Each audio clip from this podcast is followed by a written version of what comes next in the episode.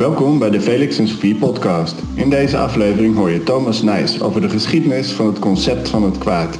Denk je na het luisteren, daar wil ik meer van? Kijk op onze website of Facebookpagina voor meer info over aankomende evenementen.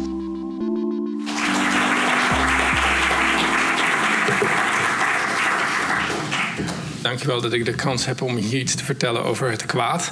Dus de opdracht die ik kreeg was: kun je misschien iets vertellen over de geschiedenis van het kwaad? Kun je iets vertellen over de geschiedenis van het concept, hoe zich dat ontwikkeld heeft? En ik antwoordde op die mail: natuurlijk wil ik dat doen en ben ik daar bereid toe en natuurlijk kan ik dat. En toen ik begon voor te bereiden, had ik onmiddellijk spijt van die enthousiaste e-mail, want ik dacht: dit is een onmogelijke opdracht. Um, want de geschiedenis van het kwaad is eigenlijk zo complex dat elke lijn die je daarin kunt vinden of elk narratief um, zeg maar, uh, bekritiseerbaar is of fout is. Dus ik dacht, dit is een project dat gedoemd is te mislukken. Als je dan uh, dat toch doet en zo'n verhaal probeert te vertellen, dan is het ofwel pretentieus, dan is het ofwel als jij de geschiedenis hebt bekeken en dan denkt, dit is de boog die hierin te ontwaren is. Ofwel is het flauw, in de zin dat je dan gedachten of ideeën herhaalt van, van anderen. Dus um, mijn verhaal is ja, zit ergens tussen mislukking, um, flauwigheid en uh, wat is het, pretentie in. Um, maar uh, toch probeer ik um, mij aan deze opdracht te houden. En zal ik proberen om een aantal momenten in het denken over het kwaad te duiden. En uh, proberen aan te duiden hoe we genoopt zijn geweest om op een andere manier om andere vragen te stellen over het kwaad. En gelukkig in de, zeg maar, de opbouw van deze avond zal ook Hannah Arendt daarin een rol spelen. En kunnen we daarover discussiëren wat precies daar gebeurd is, in het, uh, veranderd is in het nadenken over het kwaad. Oké. Een eerste um, ontwikkeling of een eerste moment om het denken over het kwaad uh, te veranderen. Um, je zou kunnen zeggen, de geschiedenis van het kwaad is zo oud als de geschiedenis van de filosofie. En in, het geval, in ons geval zo oud als de geschiedenis van de westerse filosofie. Want de filosofie is begonnen bij Plato. Ook daar kunnen we over discussiëren. Maar um, daarmee werd het project van het goede leven ook begonnen.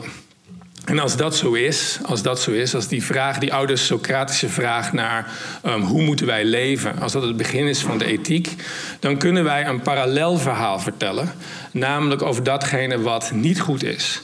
Wij kunnen dus zeg maar, het spiegelbeeld ook onderzoeken. Kijken wat aan gene zijde van het goede ligt. En dat is dan een geschiedenis van het kwaad. Dus zo kunnen wij die geschiedenis uh, herconstrueren. Door te kijken naar die vraag naar het goede en ze te spiegelen en te kijken wat bij die auteurs aanwezig is over het kwaad. Dus dat is inzichtelijk. Dat geeft een soort methodologie om te bepalen waar we het kwaad moeten lokaliseren en hoe we dat naar voren kunnen, kunnen brengen. Maar wanneer we dat doen bij die beroemde oude Griekse auteurs, dan valt ons iets op, namelijk dat die bepaling van het niet goede niet overeenstemt met wat wij vandaag de dag verstaan of begrijpen onder het kwaad. Dus dat is nogal moeilijk. Dat is geen één op één relatie tussen die twee. Waar het om gaat bij auteurs en bij figuren als Plato en Aristoteles en de Stoa en Epicurus, is de vraag inderdaad naar het goede leven, naar het geslaagde leven. Naar hoe wij floreren, hoe de mens behoort te leven en zichzelf vervolmaakt. Een ideaal mens is. En wat daaraan correspondeert is het idee van het niet goede. Namelijk van het gefaalde leven, van het mislukte leven, van het leven dat deficiënt is, wat niet voldoet aan dat ideaal, wat niet in staat is om te voldoen aan dat ideaal, wat in die zin inferieur is. Dus dat hebben we. We hebben een idee van het niet goede, maar dat niet goede is helemaal niet iets wat wij zouden duiden als het kwade of iets wat kwaadaardig is maar eerder iets wat minder waardig is, wat niet zo goed is, wat niet voldoet aan dat Griekse ideaal van het goede leven.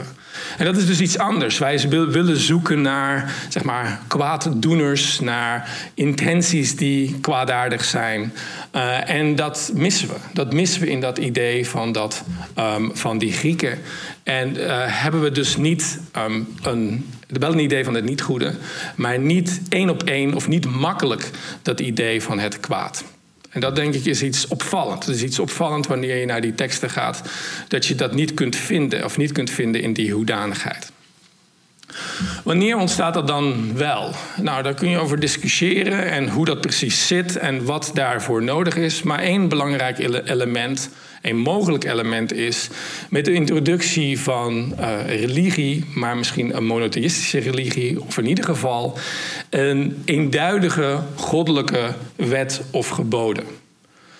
Dus wanneer er een absolute wet is die door een goddelijke autoriteit werd uitgedragen of geopenbaard is, dan krijgen we een wezenlijk verschil. Dan krijgen we voor het eerst het ontstaan, zou ik zeggen, van het kwaad waar we ons min of meer mee kunnen identificeren. Namelijk dat het kwaad het moedwillig en vrijwillig overtreden is van een goddelijke wet waaraan een autoriteit correspondeert. Dus um, de nadruk verschuift van aan de ene kant het nadenken over het goede leven en het deugdzame leven naar niet de ondeugd, niet het gebrek aan deugdzaamheid, maar naar de zonde. Dat als een moedwillig overtreden van Gods wet, waar wij verantwoordelijk voor zijn, individueel verantwoordelijk voor zijn of als mensheid verantwoordelijk voor zijn. Dus dit idee van de mens is de vrijheid gegeven om God in vrijheid te aanbidden, zeg maar, om aan God in vrijheid te gehoorzamen, kan ook omslaan, heeft, geeft ook de vrijheid om daarvan af te wijken. En die wet uh, moedwillig, vrijwillig te overtreden en daarvoor schuldig te zijn, straf te verdienen omdat het in strijd is met wat God wil of wat de goddelijke geboden zijn. Dus dat is denk ik een enorme ja, omwenteling, een introductie van het kwaad zoals we dat kennen, of één uh, belangrijk element daarvan, dat eigenlijk pas een intrede doet met de introductie van het goede. Um, en er zijn allerlei metaforen voor te verzinnen die ook van bijbelse aard zijn. Hè? Het licht schijnt in de duisternis. En voor het eerst is er eigenlijk dat onderscheid pas tussen licht en duister. Voor het eerst krijgen we dat um, contrast. Voor het eerst kunnen we kiezen ofwel het goede ofwel het slechte te doen. En daarmee verschijnt samen met het goede, samen met een goddelijke autoriteit, ook mogelijk het kwaad en het kwade in de mens. En ik denk dat dat een contrast is, een belangrijk contrast is. En ook auteurs zoals Nietzsche, ik weet niet of dat behulpzaam is om die als bondgenoot te kiezen in deze. Um, maar um, waar hij denk ik gelijk heeft dat er een vroeger onderscheid was tussen goed en slecht. En dat met religie het onderscheid tussen goed en kwaad pas zijn uh, intrede doet. Um, dus een, een, gro een, grote stap, een, een, extreem grote stap. Maar ik denk um, die introductie van dus een goddelijke wet en het overtreden van die goddelijke eh, wet in de zin van de zonde en het begrijpen van het menselijke kwaad als een um, zeg maar obstructie uh, van, van Gods wil.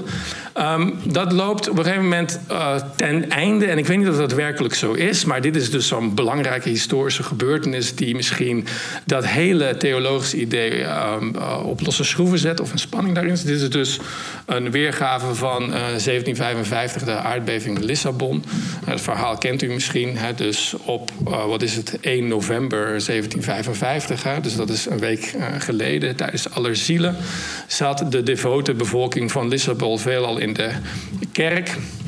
En er was een aardbeving, weet ik veel, 7, zoveel op de schaal van Richter, die een vloedgolf veroorzaakt. Die vloedgolf overspoelt Lissabon. Huizen worden verwarmd en verlicht met natuurlijk um, vuur en kaarsen. En er ontstaat een brand waarin ongeveer 60.000 mensen het leven uh, laten. En een voorbeeld van zo'n natuurlijk kwaad. En um, uh, wat daarmee op losse schroeven komt, is een oud theologisch probleem, namelijk de rechtvaardiging van God in het licht van het kwaad, de zogenaamde theodicee. Waar Leibniz een belangrijke vertegenwoordiger van is, die een boekwerk schrijft met diezelfde titel. En het probleem is oud, namelijk hoe kunnen we Gods goedheid en Gods almacht rijmen met de realiteit van het kwaad? Hoe kan God al goed zijn en almachtig zijn en het kwaad, dit soort natuurlijke kwaad, toelaten. Hoe is dat mogelijk? En er waren allerlei rechtvaardigingen van Gods wegen, zoals uh, Leibniz, die zei van God heeft, is beperkt in zekere zin, heeft een keuze gehad en heeft gekozen voor de best mogelijke wereld die er was de best mogelijke wereld. Wat maakt dat de wereld die hij kiest um, beschouwd moet worden dat er waarschijnlijk ergens anders in het universum meer geluk is. Andere planeten of elders, uh, wat compenseert voor het kwade hier. Of andere, uh, dat namelijk door de aanwezigheid van het kwaad het geluk uh, feller schijnt, net zoals licht en donker dat in een schilderij doen. Dat, dat soort rechtvaardigheden waren er. En met die aardbeving van Lissabon um, wordt het bijna onmogelijk om dat te doen. En de, de figuur die hier representatief is, is Voltaire, die een gedicht schrijft over de aardbeving, over de ramp in uh, Lissabon, wat zeer de moeite is om dat een keer te lezen, waar hij op dramatische wijze zegt van, is het werkelijk zo, is het werkelijk zo, dat de bevolking van Lissabon zondiger is dan die in Londen en Parijs en dat zij daarvoor getroffen werden? Is het, kunt u aan deze mensen, hè, waar, waarbij zuigelingen aan de borst van hun moeder um, verpletterd zijn, zeggen dat dit de best mogelijke van alle werelden is en alles wat is, is goed en zo verder? Dat is cynisch en dat is niet meer houdbaar. En hetzelfde doet Voltaire, wat ik geweldig vind in Candide, waar de ellende zich stapsgewijs uh, opstapelt.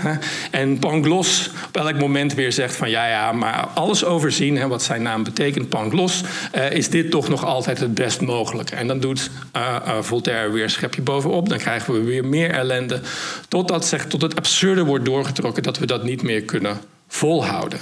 Die predicaten van God, Gods goedheid en Gods almacht worden in het licht van dit soort natuurlijk kwaad in vraag gesteld. En we, we gaan zeg maar voorbij dat paradigma, voorbij die theologische kwestie van het kwaad. En of het daadwerkelijk zo is, dat denk ik dat is lastig te duiden. Of dat meteen is en hoe lang dat duurde en zo verder.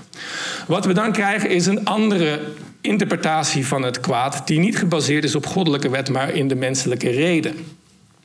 We krijgen nog steeds wetten en geboden waar we ons allen aan dienen te houden, maar die zijn niet op goddelijke autoriteit gebaseerd, maar op de autoriteit van onze eigen reden.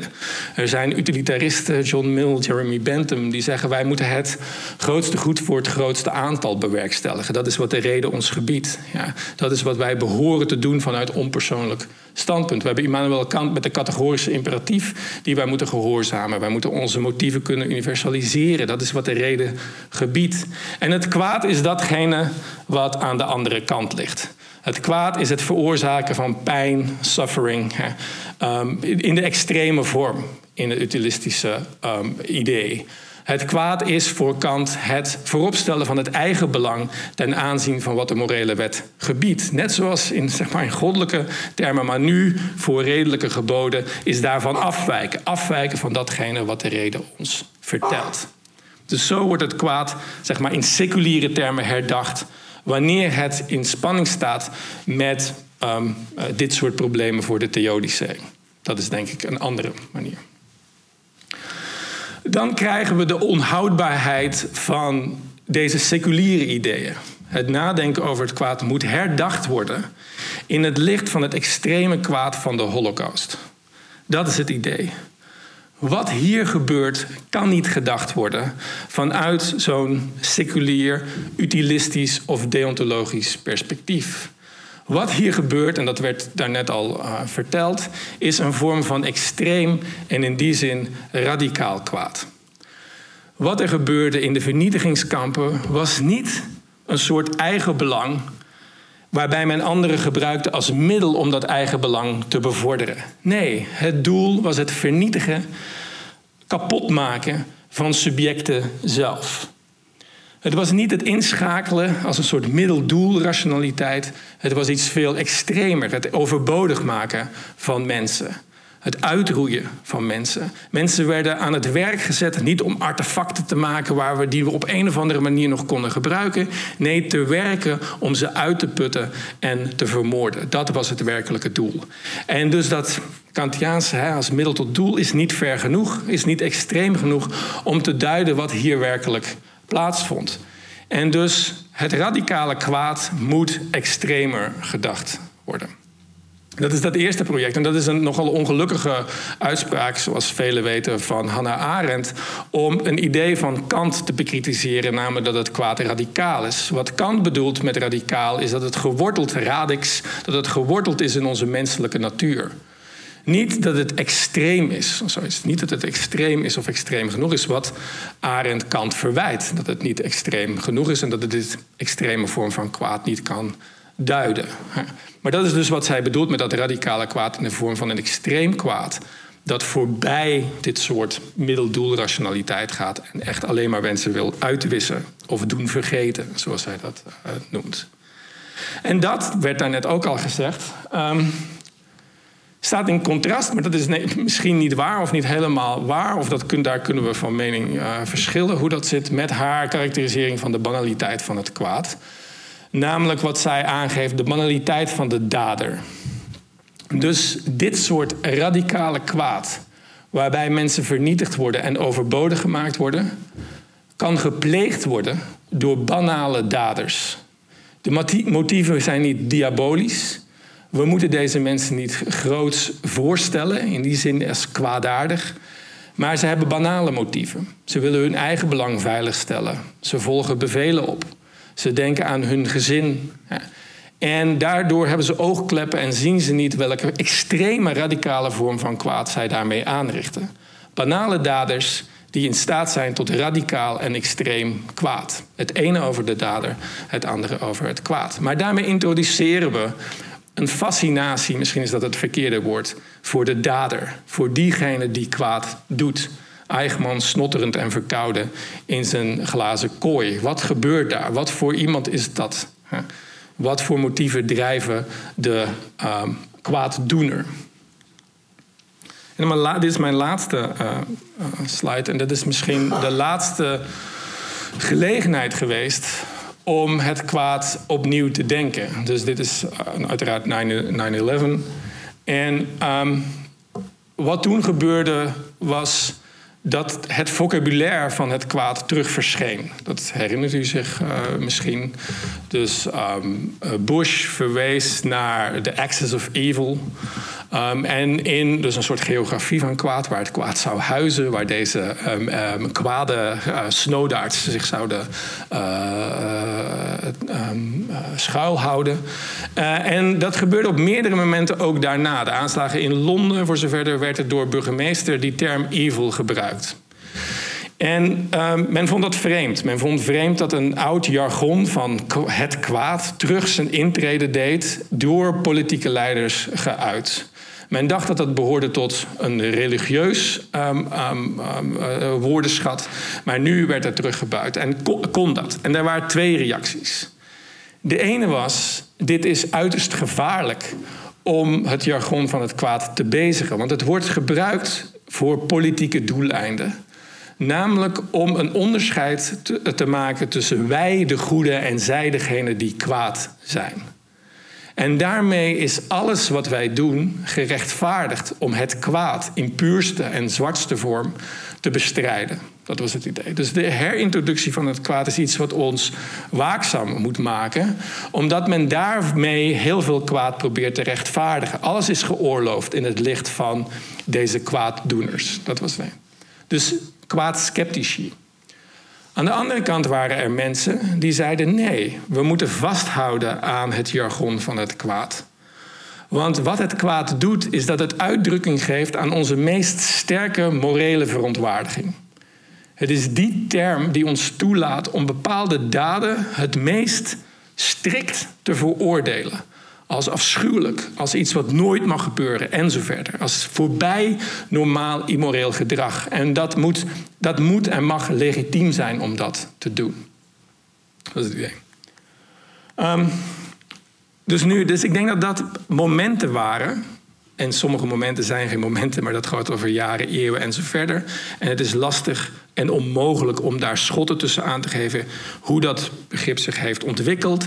En heel veel oude dingen leven nog steeds door in nieuwe concepties. Dus um, ik denk dat het daarom precies een onmogelijke taak was. Maar um, misschien kan ik wel twee conclusies doen om iets te hebben om over te discussiëren. En dat is namelijk deze twee laatste inzichten um, met elkaar te verenigen. Dus ik denk inderdaad dat het zo is dat het gebruik van het kwaad zelf kwaadaardig kan zijn. Namelijk dat we daardoor denken dat alles gerechtvaardigd is om dat kwaad te bestrijden. Dus we moeten oppassen met die term te gebruiken. We moeten voorzichtig zijn in het zeggen of toepassen van dat soort labels. Aan de andere kant denk ik dat we daar niet mee moeten stoppen. Wij hebben een moeilijkheid, dus ik geef ethiek, een moeilijkheid om het goede leven te duiden. Denk, wat is het goede leven? Uit welke elementen bestaat het? Er is een pluralisme, er zijn meerdere manieren om invulling te geven aan het goede leven. Dat is denk ik belangrijk. Daar kunnen we en mogen we over discussiëren. Het is, maar er is een asymmetrie. Het is misschien veel makkelijk om het kwaad, om het absolute kwaad, een onfatsoenlijk leven. Een leven dat niet aan een minimum voldoet. Een leven van extreem lijden, wat toegebracht is door anderen. Om daar consensus over te bereiken. En ik denk dat dat in zekere zin is, urgenter is. Op, in politieke zin of in praktische zin. Om het kwade te vermijden. Datgene waar we um, overeenstemming over te eh, kunnen bereiken, dan misschien om het goede te promoten. En daarom ben ik terughoudend met betrekking tot de titel van deze avond, om toch maar voer te geven voor discussie van het ongrijpbare kwaad. Ik denk dat die fascinatie voor de dader en de moeilijkheid en het, het theoretiseren over waarin bestaat dat precies ons soms afleidt van de onmiddellijke herkenning van het kwaad als kwaad, zoals wij dat zien. En wanneer dat gebeurt, wanneer we dat kwaad zien, kunnen we ons vragen stellen over de daders die daartoe in staat zijn. Maar het zou ons ook moeten wijzen op onze eigen verantwoordelijkheid wanneer wij dat kwaad als zodanig erkennen om zelf iets te doen. En ons niet te verliezen in de fascinatie met de dader. En ik denk dat dus in zekere zin is het ongrijpbaar is het moeilijk om te, te begrijpen hoe mensen in staat zijn door dit kwaad. Maar die ongrijpbaarheid en de theorie en de filosofie van het kwaad mag ons denk ik niet afleiden van een soort politieke of praktische realiteit waarin we het wel als zodanig erkennen en misschien daar ook iets aan moeten doen. Dank u wel.